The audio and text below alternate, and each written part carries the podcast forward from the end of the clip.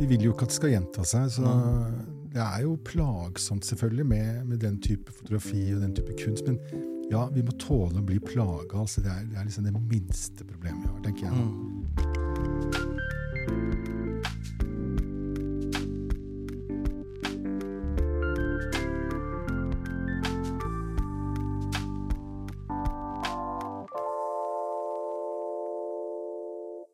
Hei, og velkommen til en ny episode av Fotopodden. I dag skal vi snakke om ganske mye. Vi skal snakke om terroraksjonen 22. juli. Vi skal snakke om hvordan man tar bilder av en hendelse årevis etter at hendelsen har funnet sted. Vi skal snakke litt om hvordan man ser på bilder. Og til å hjelpe oss med det har vi fått eh, fotograf Werner Andersson. Velkommen. Tusen takk. Werner har for tiden en utstilling på 22. juli-senteret i Oslo. Og det er litt uh, den utstillingen vi skal snakke om, blant annet. Nå er jo mye av dette her bare lyd, så vi får ikke gått så veldig i detalj på bildene. Men du satte i gang og skulle lage en bildeserie om 22. juli, terrorangrepene 22. juli, flere år etter at dette hadde skjedd. Hva får deg til å gjøre noe sånn, og hvordan har du gjort det? Du, dette var ehm, i 2013. Jeg var jo bortreist den dagen det skjedde, og var lenge borte. Det var jo fellesferie. Um, var lenge borte fra Oslo. To år lang fellesferie. Ja. um, og eh, jeg, jeg, altså, jeg holdt meg unna Oslo lenge. Ikke i to år, da, men, men lenge. Jeg, byen var jo til dels ødelagt. ikke sant? Dette, dette kom jo hjem til oss. Jeg er jo vant til å jobbe med eh, i områder som har vært prega av krig og, og, elendighet. Ja, for det, det kan du jo si litt om. Du har vært ute med Norsk Folkehjelp på de rareste steder hvor folk vanligvis ikke drar på ferie. Ja, Norsk Folkehjelp og Røde Kors. Så det har vært sånn det har vært si, lidenskapelig opptatt av å fortelle historier med fotografi. da, ikke sant? Dokumentarfotografi. Og Eh, men det har vært si, jobben min så jeg har kommet hjem til trygge, fine Norge. ikke sant? Og så smeller her hjemme. Ja. Eh, derfor eh, måtte jeg eh, prøve å forstå dette her. Eh, og har gjort, lest alt som er av bøker, sett filmer, snakket med folk eh, for å prøve å finne ut av det, og forstå det. Og da er foto mitt, mitt språk, da. Mm. Men i motsetning til mange andre som har fotografert uh, ofre, fotografert de som har mistet noen, fotografert folk som har mistet en arm eller et bein, så har du fotografert gress og sånn. Trær ja, og sånn. Gress og trær. Uh, stål. Stål. Um, um, ja, jeg har det. Og um, fordi at dette har jo skjedd. ikke sant? Var, da, jeg begynte i 13, som sagt, og da, da, da fikk jeg komme inn i høyblokka liksom bare to år etter, så alt var jo ødelagt inni der, og, og begynte å fotografere der.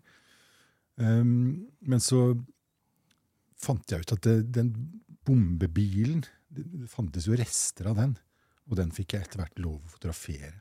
Og da var jeg i gang. Da kjente jeg at dette er jo noe Da, da har jeg brukt makroobjektiv. Gått veldig tett inn på eh, små, skarpe, dødelige stålbiter. ikke som For hva er igjen av den bilen?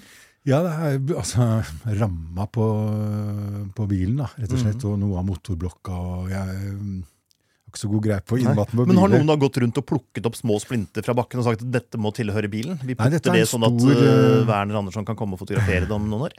Dette er en stor bit. da, vel, liksom, Hele understellet okay. og, og, noe av girkassa og sånn, antar jeg. Mm. Så, så, der var det veldig mye å velge mellom da på av deler. Okay. Og så selvfølgelig består jo 22. juli-historien av Utøya også. Mm. Og um, etter hvert så kom jeg dit ut på andre oppdrag og, og, fikk lære om hvordan de bygger opp øya med demokratilæringsverksted for unge mennesker. Og, og, og, da gikk jeg mye rundt der og begynte å fotografere etter hvert. Det er jo en vakker øy, ikke sant? men det som interesserer meg, er hva hva skjer med et sted der det har skjedd forferdelige ting? da? Eh, skjer det noe med stedet? ikke sant? Det skjer i hvert fall noe med oss da, og vårt forhold til stedet. og Det, det syns jeg er interessant som fotograf å ta tak i. Mm. Men hvordan gjør du da det? Så kommer du til Utøya. altså disse, disse splintene fra bilen de er jo på en måte talende nok i seg selv, bortsett fra at du ser jo ikke hva det er når man ser bildene dine. Så man må jo på en måte få en forklaring for det, på det men det hjelper jo litt at det er på 22. juli-senteret, selvfølgelig. Ja, Men når du er på Utøya, så er det trær og gress og en haug, og menneskene er selvfølgelig borte, og de fysiske sporene er jo stort sett borte. Så hvordan får du gjort dette her til noe mer enn et landskapsbilde? jeg, begynte, jeg var jo flere ganger ute og brukte forskjellige kameraer og forskjellige typer film og for å liksom forske og se hva, hva det blei til. Kom, ikke, kom jo videre etter hvert, fordi jeg kom på at jeg, i kjøleskapet i fryseren så hadde jeg denne fantastiske, mytiske filmen fra Kodak som heter Aerochrome.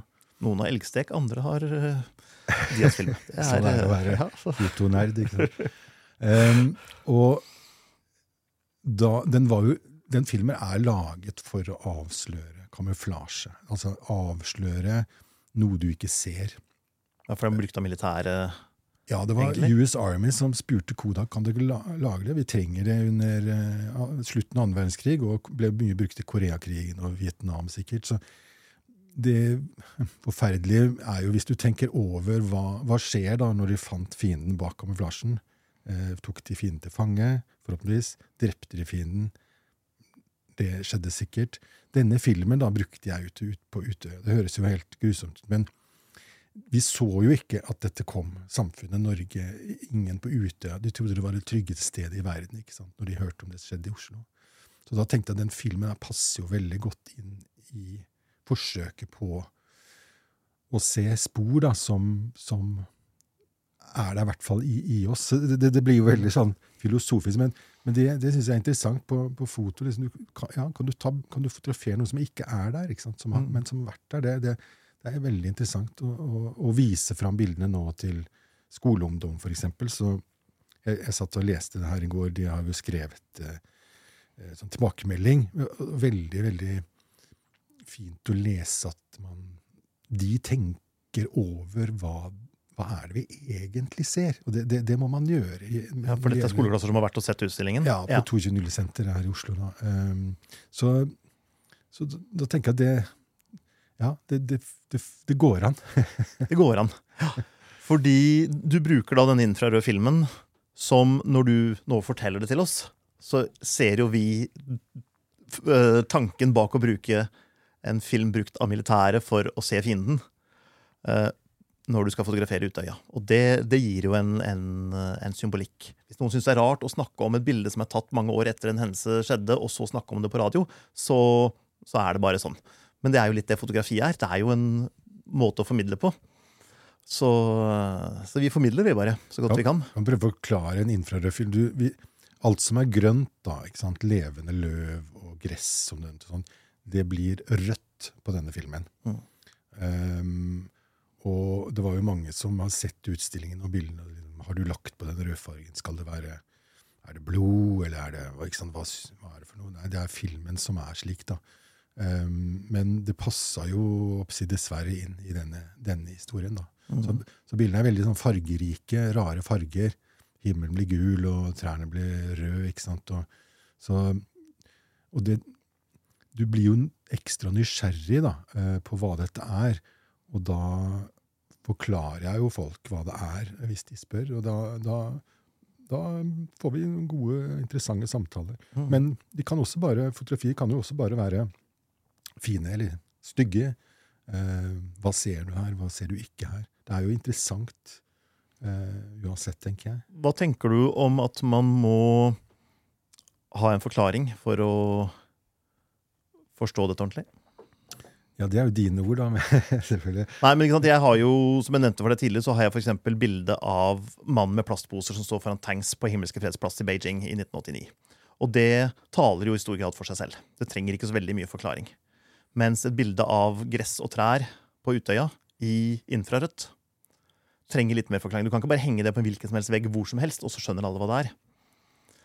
Um, Nei, og det, det er også en interessant eh, samtale og diskusjon med foto. Hva, hva, hvor mye informasjon i tillegg treng, trengs det?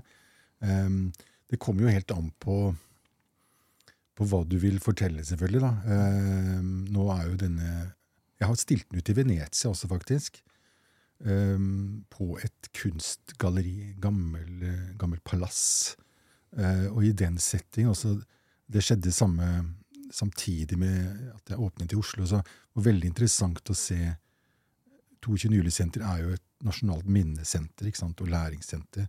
Så når du går inn der, så forstår du jo mer av sammenhengen. Mm. Eh, mens på et galleri i Venezia, eh, blant mange andre kunstverk, så, så vil det var interessant å da si, gå snoke rundt i bakgrunnen og så eh, etter hvert fortelle hvem jeg var. Og, og de samtalene er veldig fine. Så ja, det var den fungerer altså i så mange settinger. Ja. Og så er det jo ikke gitt at, at, du som kunstner skal fortelle alle hva dine tanker bak kunstverket er. For noe av poenget med kunst er jo at man skal kjenne på det selv. Ja, og jeg, som sagt, så jeg har jo jobbet som dokumentarfotograf, og da må du være veldig nøyen på fakta, og du skal jo helst ikke flytte på noen ting. og Selv om vi alle vet, og alle som fotograferer, vet jo at man Du gjør jo valg når du tar et bilde. ikke sant? Du, hva du fokuserer på, osv. Um, men um, denne gangen her, på dette temaet, her, så, så, følte jeg at jeg måtte gå jeg må, måtte gå bredere ut, altså rett og slett å bruke andre verktøy og andre midler for å fortelle en historie. For den kom, den kom så veldig veldig nærme meg, meg selv. da. Mm. Ja, og den er jo for så vidt nær oss alle sammen, for det, var, det, er, jo et, det er jo et nasjonalt sår, eller som du kaller utstillingen din Scar, arr. Uh, som vi alle har en del av, egentlig, selv om vi ikke var direkte eller indirekte involvert, så er den jo så tett på oss. Hvordan føler du at reaksjonen har vært? Er det lettere å fotografere noe som angår alle?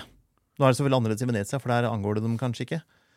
Uh, som angår alle i Norge, enn noe som kanskje blir et smalere tema, og i samme slengen, var det andre reaksjoner på det i Norge enn det var i Venezia? Ja, det, det er jo veldig interessant. Altså, er, terror er jo ikke noe nytt fenomen, og Europa har jo vært veldig mye av det i, i mange tider. ikke sant? Eh, jeg har jo vokst opp på 70- 80-tallet. Det var jo stadig kapringer og sprenginger. Og, så, mm. Dessverre ikke noe nytt, men her hjemme er det jo det. Så jeg, jeg tror kanskje at eh, Ja, de er jo mer vant til det da ute, ikke sant? Og, og, og kanskje ser på og forstår da at det er uh, utstilt i et kunstgalleri, da, ikke sant? Selv om er, tematikken er, er, vond. Mens i Norge så har det jo vært en berøringsangst, og det, det er jo ikke noe jeg har funnet på. Det, det, snakket med 22. juli-senteret. De, de, er jo der for å hjelpe til med denne angsten og snakke om det, holde samtalen i gang. Og det er jo det jeg har lyst til å gjøre med dette prosjektet, at det holde samtalen i gang. For det er ikke farlig å snakke om det. Og vi, og vi må tørre å snakke om det. Og hvis mine foto kan Du syns det er interessant, de er fine, fine farger, da, da, har jeg litt noen åpning til å, til å, ta tak i det. Altså, mm. Dette her er, handler om det og det, og så, så er vi i gang. Hadde, apropos berøringsangst, hadde den utstillingen vært mulig å vise i 2012? Nei det, nei, det, tror jeg nok ikke. Jeg, var nok, eh, jeg har brukt faktisk ni år på hele prosessen. Da. Ehm, tiden går, og, og jeg prøvde underveis å vise den fram i Norge, men alle sa nei.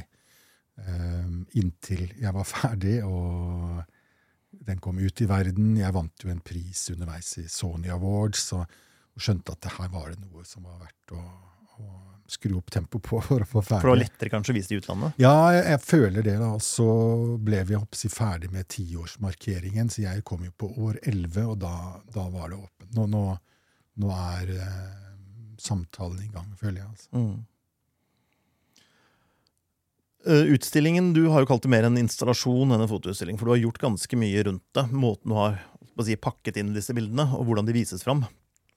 Uh, si litt om det. Du har jo noen bilder i 360 grader uten at det er noe sånn moderne high-tech 3D-kamera. Ja, jeg, jeg, har et sånt uh, veldig spesielt kamera da, som tar ett Du trykker på knappen, og så tar det ett bilde som er 360 grader. Det er veldig vanskelig. Du løper som rakkeren for ikke å bli med på bildet sjøl.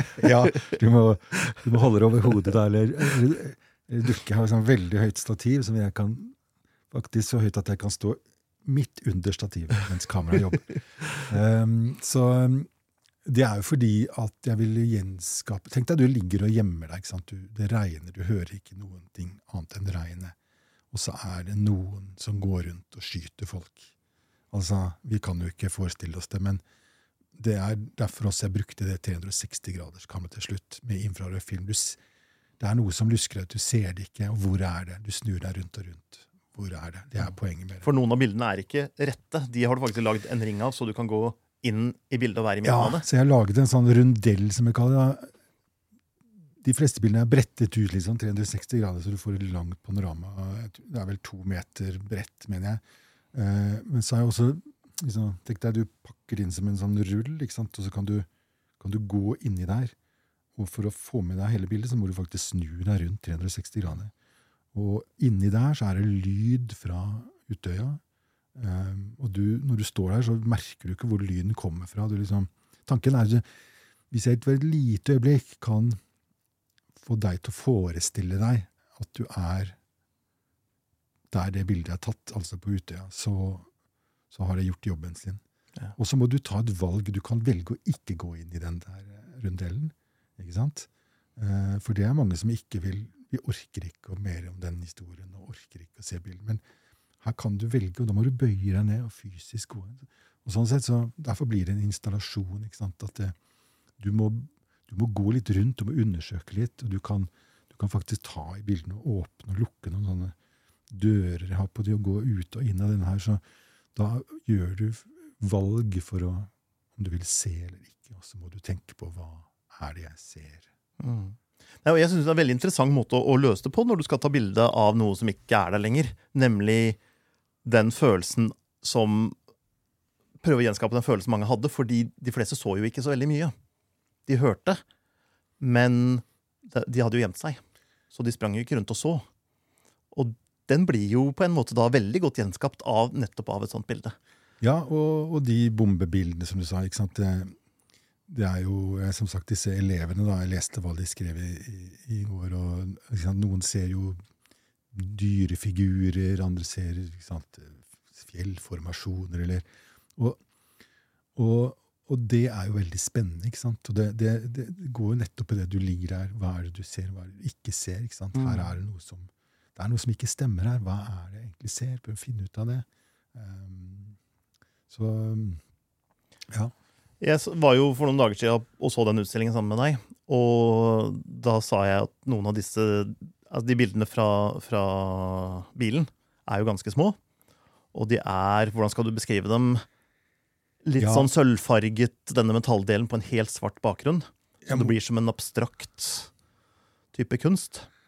Og jeg kunne godt hatt et av de på veggen, men så har du slått meg etterpå at jeg kunne jo ikke hatt det sånt på veggen. For du ville jo minnet meg om det som skjedde der, hver eneste gang jeg så bildet. Så tatt helt ut av kontekst så er det et vakkert bilde. Men i konteksten så er det jo egentlig et helt grusomt bilde. Ja, vi vet jo alle at vi skal dø. Um, og noen tatoverer memento mori på armen sin på kroppen. Så hvorfor ikke ha et bilde på veggen som minner oss om om det. Det tror jeg kan være bra, faktisk. Ja, Om at vi selv skal dø, men at alle andre som døde, og døde altfor tidlig? Ja, ja det, vi vil jo ikke at det skal gjenta seg. Så mm. det er jo plagsomt, selvfølgelig, med, med, den type fotografi og den type kunst. Men ja, vi må tåle å bli plaga. Altså, det, er, det er liksom det minste problemet vi har, tenker jeg. Mm. Så, kan henge på do da, når vi gjerne er plaget allikevel, i stedet for stua. ja, ja, det er mye bra kunst som henger der. Men jeg vil jo si litt mer om hvordan det er pakket inn. oppe ja. nå, nå, er det jo, kan jeg si, det er omtrent en måned igjen av utstillingen i Oslo. Ja, Så den går ut februar omtrent? Ja, 26. februar, er siste dag. Ja. Um, så det går an å se det, da. Altså, jeg, vanskelig å forklare, men jeg har jo brukt stål, det er stålrammer som jeg har jeg har blitt lært opp i å sveise av en veldig flink sveiser som har tatt meg inn i verkstedet sitt, så jeg herja vilt der med vinkelsliper og altså Stålet i utstillingen, i, i installasjonen, er jo um, det, bild, er bilder på volden, det, det, det, det dødelige, ikke sant. Eh, så mens bildene har jeg trykket på veldig fint bomullspapir, eh, de fra Utøya og de fra Oslo, Høyblokka, bomben, er jo på metall. Mm. Eh, der du eh, det er sånn børstet metall samtidig. Det skinner litt stålaktig i det. Um, så um, det er veldig sånn Det er veldig fysisk det, det, er ikke bare det er ikke glass og ramme, liksom. Det, det syns jeg blei for Da er tematikken så grusom at det, ja, de rammene også er ganske De er ikke grusomme, men de er jo tunge og, og, og skarpe og Grove. Og, grove og med vilje, da, for at Ikke sant. Så. Dette med at du kan dekke for deler av bildet med disse klaffene. Er det liksom sånn jeg, Nå ønsker jeg ikke å se så mye. Nå vil jeg bare ja, begrense inntrykkene her? Eller hva tenker? Underveis har jeg jo, jeg har jo snakket med altså nære og kjære har jo visst hva jeg holdt på med. og liksom, Hva er at du orker? Kan vi ikke Må vi ta det innover oss? Og det, det er veldig sunt eh, å ikke ta inn over seg sånne ting hele tiden, selvfølgelig. Men du er nødt til å åpne opp og, og, og, og tenke på det og, undersøke det, og så kan du lukke igjen. Så se for dere ja, altså sånne på, på gamle hytter liksom hadde sånne skodder du kunne lukke for, for vinduene ikke sant? Mm. Når, når, du ikke var der, og så åpnet dem opp. Så det er jo det jeg har gjort med disse panoramabildene. Så har du, så har du sånne dører du kan lukke igjen. Eh, men alt Altså, bildet blir jo ikke borte. Det er jo bak dørene. Det vet mm. vi jo. Eh, og dørene går ikke helt inn heller, så du ser litt av bildet. Fordi at jeg tenker at du, Vi kan ikke bare lukke igjen. Du forsvinner jo ikke, selv om jeg gjør sånn. Så er jo du fremdeles her. ikke sant? Um, så, og da er det faktisk det her lov å ta, ta, på kunsten i galleri. Og åpne og lukke disse dørene. Um, så um, igjen det å ta et, ta et fysisk valg når du går rundt i utstillingen. Var du redd for reaksjonene til de som var direkte berørt? Ja, hele veien snakket med folk som har vært berørt. Da. Eh, jeg er jo vant til å jobbe med profesjonelle når det gjelder å fortelle historier og dokumentere. ikke sant? Så, så det ligger liksom i, i refleksen min å, å, gjøre research og, og, passe på at du ikke gjør noe du ikke skal gjøre. Mm. Men ja, eh, jeg må si at jeg, jeg jeg var litt ekstra spent, kan jeg jo si. Eh, eller å grue seg, kan man også kalle det. Når det var, det var, en lukket visning for pårørende dagen før den offisielle visningen. Um, og, men det gikk veldig, veldig bra, og jeg er så veldig glad for de historiene jeg fikk vite da. Og som, vi sto jo foran noen av fotografiene, og de pekte på hvor, hvor deres hadde vært. og og heldigvis var det noen som hadde gjemt seg et sted, som, og de overlevde. Så, så det ble en veldig positiv eh, eh åpning for, for um, begge parter. Det, det, det, fortalte de meg. Så, så det har vært lite vært lite bråk. Eh, det var en, I Italia så ble faktisk det ene bildet stjålet fra galleriet. Og jeg vet ikke om det er en protest eller, eh, eller hva, men eh, en vaskeekte tjuv har vært inne og stjålet kunstverket. Jeg ville jo tatt det som et kompliment. Helt klart et kompliment. altså. Takk. Ja, de, de, man sier det. Kanskje det var en eh, protest. Jeg vet ikke. Jeg håper at det henger på en vegg eh, i en sånn hemmelig kunsttjuvhule eller noe sånt. da. Um. Interessant. Um, så du har ikke fått noen Det har ikke vært noen sinte altså, Har du provosert noen med dette her? Man bør jo provosere litt med kunsten, bør man ikke det?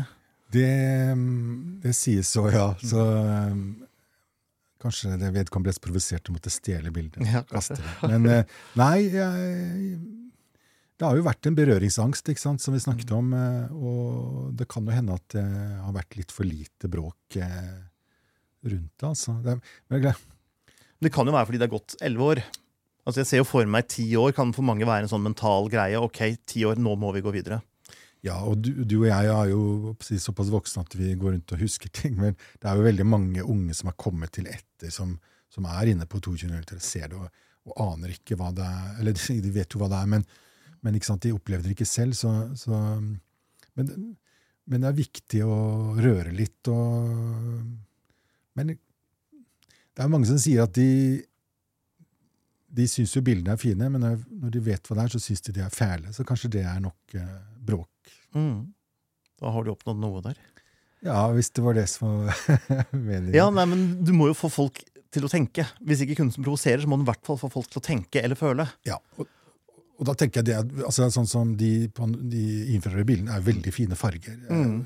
Corny greier. eh, Jeg ser jo at det er jo eh, disse lomografi-folka driver jo og selger filmer med masse rare sånne farger. Mm. og så tenker jeg, Hvis jeg kan si, lure folk litt inn i, inn i prosjektet med at oi, det var et kjempefint bilde, og wow, kule farger, og så å nei, gud bedre, er det det der? Nei, og da vil jeg ikke ha noe med det å gjøre. Så, så funker det jo. ikke sant? Eh, om de hadde vært heslige, så, så ville jo ingen se på dem, og ingen snakke om dem. antar jeg. Så, ja. Du har jo reist rundt i verden fra katastrofeområde til katastrofeområde. Og så kommer du hjem, og så begynner du å jobbe med katastrofeområder her også. Hva gjør det med deg psykisk når du ser elendighet på nært hold som jobb, omtrent? ja, det var jo Du reiser jo sammen med folk som, eh, som er profesjonelle, og du prøver å være sjøl. Men det er klart at det, det var, jeg gjorde dette her intensivt i 13 år. Um, så det blei jo litt uh, mye um, etter hvert, og måtte ha en liten pause. Um, for du, du reiser jo hjem, ikke sant? Du får den derre du, du blir litt sånn Ja, du, du, du føler deg litt skyldig, rett og slett, da, når du kan bare reise hjem. Um, og problemet er jo der, som sagt. Du kan lukke, du kan ikke stenge det ute. Men du kan ikke gå og tenke på det hele tiden heller. Så, så du, det, er jo, det er jo viktig å ta vare på seg sjøl også, i, som uh, dokumentarist oppi det hele. Da, ikke sant? Og, um, men ja da. Det, men eh, sant, når det skjedde hjemme, så tenkte det gikk jo noen år før jeg begynte. da, To år. sant? Så det var vel liksom den profesjonelle fyren da, som tenkte du, du er jo nødt til å gjøre noe på det. Werner, ikke sant? Det har jo skjedd hjemme i din by, og dette kan du, og dette har du gjort eh, mye av. liksom, så... Men det ble en helt annen greie. altså, så Det var interessant å tenke på hva hva jeg har reist ut og fotografert folk som er eh, mer eller mindre traumatiserte. ikke sant? Og så, du prøver jo selvfølgelig å sjekke altså De vet hvorfor du er der, og alt sånn, alle er enige om at man skal gjøre det, men allikevel ikke? Så, mm, jeg har jo tenkt uh, mye i dette prosjektet. Men jeg har brukt veldig god tid, altså ni år, som sagt, og det tenker jeg var veldig greit jeg gjorde. Ja, for jeg har jo jeg har selv jobbet noen år i bistandsbransjen, og da jeg hoppet av der og begynte i fotobransjen, så føltes ting så enkelt og så lett og så greit. Og så tenkte jeg litt over det, og så fant jeg ut at jo, jeg trenger jo ikke tenke på verdens elendighet hver eneste dag. Det var liksom det som tynget meg i bistandsbransjen. Selv om jeg ikke var så veldig mye ute i felt, og jeg var ikke i katastrofeområder. Men, eh, men det, den der hele tiden å forholde seg til det må jo være tungt. Så når du da kommer hjem fra Sør-Sudan og Pokkervoll, og så er du ute på Utøya og inn i Y-blokka, det må jo Ja, det er, Du vil deg ikke selv vel? Du vil ikke ha en liksom sånn, rolig stund i sofaen? Nei, jeg hadde det noen år, da, men eh, så kom, kom det til meg. Så, så mm, Nei, men det er jo noe som Det er jo Jeg, jeg har jo tenkt mye på det, for jeg, jeg har ikke reist så mye de siste årene da, med, med sånne typer jobber. Men, men eh, nå har jeg oppe on and off i ni år, som sagt, så det er klart at det, det er jo, jeg har brukt mye tid og mange år på det. Så det må jo være noe med meg da, som, som gjør at jeg rett og slett ikke kan la være. da. Jeg, jeg, kan, jeg kan ikke si det på en annen måte, så um, Men sant, du, du i det og prøver å forstå sjøl, og, og, og, og, så er det så fint å da få det ferdig og vise det fram og snakke med folk om det. Det, det er jo veldig fint for oss alle da, å prate om ting. ikke sant? For du graver vel ikke bare i andres tragedier, du graver vel i din egen sjel også når du gjør en sånn jobb. For du må jo se hva er det du ønsker å uttrykke, og hvordan er det du vil det skal bli oppfatta. Så du må jo lære enormt mye av deg sjøl, både på dette prosjektet, men også en del sånn dokumentarprosjekter der ute. Hva er det egentlig som foregår her, og hvor takknemlig er jeg for å ha en returbillett? Det Ja, jeg begynte som veldig, ung fyr, ikke sant, og ja, du, da er det litt sånn, du har lyst til å være krigsfotograf, ikke sant, og med leikaen din og, og, og sånn, og så, og så finner du ut at det er jo, dette er blodig alvor. Her skal det fortelles historier, og, du skal utløse noe hos de som ser, og, få folk til å støtte saka og, og alt det, ikke sant, så det er jo alltid en grunn for å gjøre ting. Nå er jo dette prosjektet her, Skar, da, er mitt helt egne private prosjekt, det er ingen som har fortalt meg at jeg skal gjøre dette her. Og brukt så utrolig lang tid. Så, mm, og det kjenner jeg veldig fint nå å kunne Jeg har blitt 50 år, da, så i mitt 15. år så hadde jeg både utstilling i Venezia og her i Oslo. Eh, og kjenner at jeg har lyst til å gjøre mer sånne ting. Og der jeg styrer tiden og tematikken og, og bruker det jeg har lært eh, hittil på å fortelle historier som er viktige å fortelle, og kanskje ikke så veldig hyggelige å ta inn over seg. Mm. Det er jo det som er litt Syns jeg er noe av det viktigste med fotografi. Det er jo å fortelle de historiene som det hadde vært veldig deilig å slippe å høre om. Eh, ikke bare elendighet, selvfølgelig, men, men, historier som betyr noe. Og det trenger ikke være dokumentar. Det kan være sånn som dette her. Det kan være fantastisk kunst. Men noe som stopper opp og får deg til å forholde deg til verden. Ja, det er jo, det er jo fantastisk. Jeg er jo, liten, jeg er, jo he, altså jeg er så glad i fotografi. Jeg, jeg, og kameraer. Liksom, det med verktøy Jeg har jo brukt veldig mange forskjellige typer kameraer eh, og filmer alt sammen for å komme fram til det ferdige utstillingen. Og hatt det veldig fint underveis. Høres kanskje rart ut, det òg, men, men du jobber jo med noe du tror veldig på. Selv om det er trist, eh, forferdelig tematikk, så, så har jeg jo eh, satt pris på å jobbe med det. Um, og, og, foto er sterkt, sterkt medium, altså. Det, det, det, er så fint at vi, vi, vi, kan holde på med det. Og det er, det er så tilgjengelig nå, ikke sant? Mm. Uh, helt fantastisk hva du sjøl kan gjøre. og uh, ikke sant, med å printe bilder. Jeg, jeg, har jo liksom, De fleste, bortsett fra de som er på metall, har, har vi printa sjøl. Liksom. Og det er, det er, fantastisk å få lov til å være med i hele prosessen. Mm syns jeg. Så, ja. Jeg skrev nettopp en artikkel om, om, at det ikke lenger finnes dårlige kameraer. Bare hva som passer for deg, og hva som ikke passer for deg. Og du har jo egentlig tatt det til fulle ved at du har brukt mange forskjellige kameraer, mange forskjellige metoder, mange forskjellige materialer på denne utstillingen og eksperimentert med mye forskjellig og for å få både forskjellige uttrykk og de uttrykkene akkurat du ønsker deg. Kan du si noe om hvordan, hvordan den prosessen foregikk? Jeg har jo Skal vi se, jeg har, jeg har ikke telt over eh, Altså, jeg kan jo Jeg måtte jo altså, jeg måtte forske med kamera, med å bruke alle disse apparatene og forskjellige objektiver for å, for å komme fram til resultatet. Så jeg har, brukt, jeg har vært gjennom, jeg har brukt noen, for, noen forferdelig dårlige, gamle kameraer. Eh, sånn plastkamera, type uh, Diana, ikke sant. Eh, det er Lomo-greier, Lomo ja. som, som, er skikkelig dårlig slipper inn lys og helt sånn forferdelig. De er jo laget for å skulle være sånn. De, de er ja. laget slik. Mm. Um, og polaroidkameraer. Masse polaroidkameraer. Veldig glad i det. Forskjellige typer polaroidfilmer. Utgåtte sådanne. Der dukker opp arr og skar på bildene. Bare Yes! Der er det noe. Um, og denne infrarøde filmen, ikke sant, som nå er så utrolig dyr. Jeg fant, før jeg gikk inn her i dag, så det ligger tolv ruller på, på eBay til 44 000 Pluss moms, folkens. Du skal betale moms og toll. 25 i tillegg. Um, og digitale Leicaen har jeg selvfølgelig brukt. Uh, Face One med millioner av uh, piksler. Og dette uh, finurlige sveitsiske spesialkameraet mitt. Um, ja, og ja, Widelux. Eh, Google det, folkens. eh, ja, himmelhav. Altså veldig mange forskjellige. Mm. Um, så Og vært en fin prosess, altså. Det Ja. Så analogt og digitalt, infrarødt og farger og svart-hvitt og gamle ting og nye ting og ja. Hel, Vide ting og smale ting. En, en vill miks, altså. Så er jo jeg har jo avfotografert igjen, da. ikke sant? Poleridene, ikke sant, har jo noen er skanna, andre er avfotografert igjen. og det, det, det, det, er mange runder. da.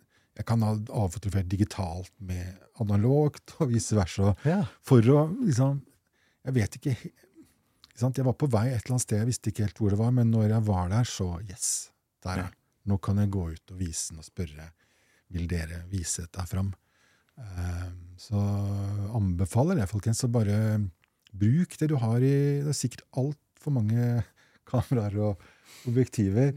som vi er her. Eh, men bruk de, sett de i sving, og så se. Altså, for det, det er, du får forskjellige uttrykk. Altså, det er spennende. Og du kjenner det når du Og jeg har jo underveis eh, Jeg pleier å ha sånn gråpapir. sånn her kraftpapir, eller hva det nå heter. Og så printer jeg ut og limer. Er liksom veldig sånn, Liker å ha det fysisk. da. Og går gjerne rundt med denne gråpapirrullen i kan være i årevis. da, Og flytter rundt og river ut og teiper inn. og sånn da. Og da, Det er noe med den der prosessen her som er kjempefin. altså. Blir du kjent med bildene og går rundt med dem i lomma, så kan du vise fram. Plage folk underveis. Hva syns du her? Så det er veldig mange som har vært med meg eh, på ferden. da, og, og, Så jeg, jeg gjorde jeg ikke pleier å gjøre, men altså siste delen, så Disse sidepanelene, da, da hadde jeg noen som jeg eh, likte. Også et par venner, det var en veldig god venn av meg som, som faktisk valgte ut motivene. Da. Det var litt spennende å gi fra seg den. Eh, den jobben. Det, det, har jeg ikke gjort før. Men kunne du ikke bare tatt et moderne kamera og tatt disse bildene, og 360-grader-bildene hadde du bare tatt i en sånn panorama som automatisk stitcher sammen, og så legger du på et digitalt IR-filter for å få de rette fargene, og så legger du på litt korn og støy og sånn for at det skal se gammelt ut, og så er du der. Jo, jo, kunne solgt filmen på eBay til 44 000, mm. og så, ja, så stitcha det og gjort det i løpet av to år. Ja, men det er, liksom, det er ikke det som er poenget. Det er uh, 'enjoy the doing', sa mm.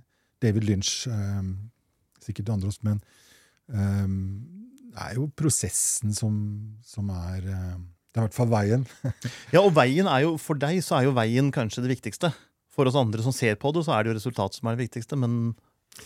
Ja, og det er interessant, Jeg visste jo at Jeg, jeg drømte jo selvfølgelig om steder å vise det på før, før jeg begynte med det. Uh, eller under, ganske tidlig i prosessen så begynte jeg å se at her er det noe. Og hvem kan vise det? Men uh, så, det gikk ni år, altså. Så, men prosessen er jo å la den altså, Dette var ingen som bestilte eller bestemte over, så jeg, jeg kunne bare si, Men tok du liksom en telefon til 22. juli-senter og en telefon til Venezia, og så sa de ja? Send den av gårde? Det, jeg var jo så heldig, og, og jeg, jeg, ble jo hva skal si, verdens tredje, den, verdens tredje beste still life photographer. Ifølge Sony Awards. Gratulerer. Takk for det. Jeg eh, var i London, det var, det var, smoking og runde bord. Det var liksom sånn And the nominees are Så måtte jeg spille inn en sånn video som gikk der. Um, da var jeg ferdig med bombebildene. Det var de jeg sendte inn til den konkurransen. Jeg var, un, altså, jeg var jo underveis og så tenkte jeg dette er så bra. Jeg sendte det inn i siste liten. Og så ringte de meg en Jeg var ute på gata, hørte nesten ikke Hvem var det som ringte, sa du? Og så sjekk, så kom jeg på liksom. Det høres veldig blasert ut, men det er helt sant. Også. Det tok lang tid. Oi, jøss. Yes. Ja, klart jeg kommer til London.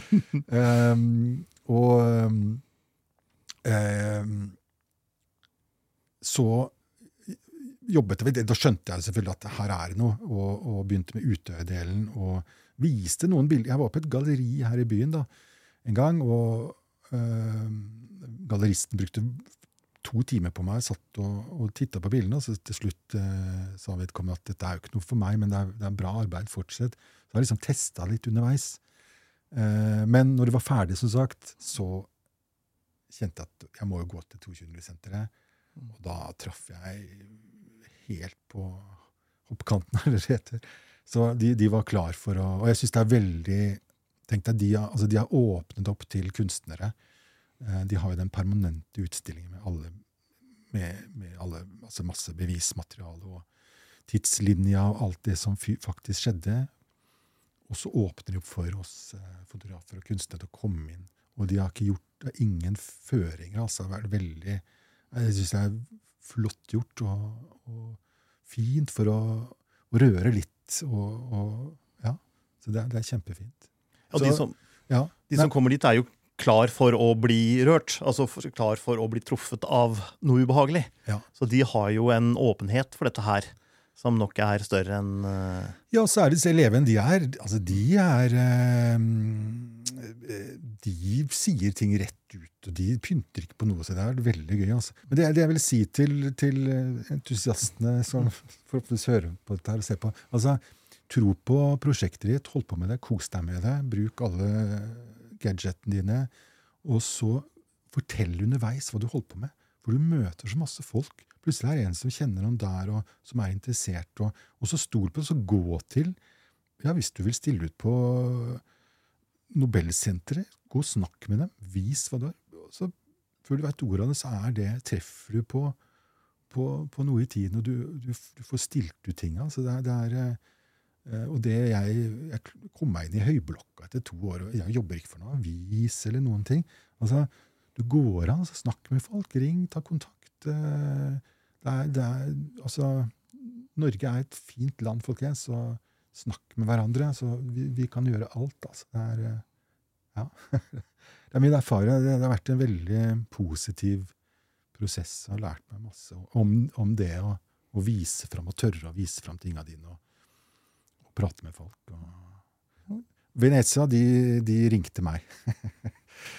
veldig, veldig, det er også gøy, da. Veldig hyggelig, selvfølgelig. Ja. Og hva var det du sa? Sånn, Oi, ja, ok. Det er liksom hørt om kunstbiennalen i Venezia. Og, eh, men det var jo på grunn av Sony Awards. Eh, og jeg følte liksom det var litt for lite skriverier og styr rundt det der. og Du må jo være din egen PR-agent og sånn i tillegg, da. ikke sant, oppi her. Så, men liksom, ting tar tid, og det, det Ikke gi opp, altså. Så selv om du plager livet av de du bor sammen med, og venner og sånn sikkert, så ja, stå på. Jeg syns det er fine ord å avslutte med. Det skal jo sies at du inviterte deg jo egentlig mer eller mindre selv til denne poden også, så apropos å være egen PR-agent, det var eh, bra gjort. Det kan godt flere gjøre hvis de ønsker å få litt uh, oppmerksomhet, eller bare ønsker en prat med meg, f.eks. Jeg er veldig hyggelig å prate med. Tusen takk for at du kom, Werner. Tusen takk Tusen for, for alle dere som så og hørte på.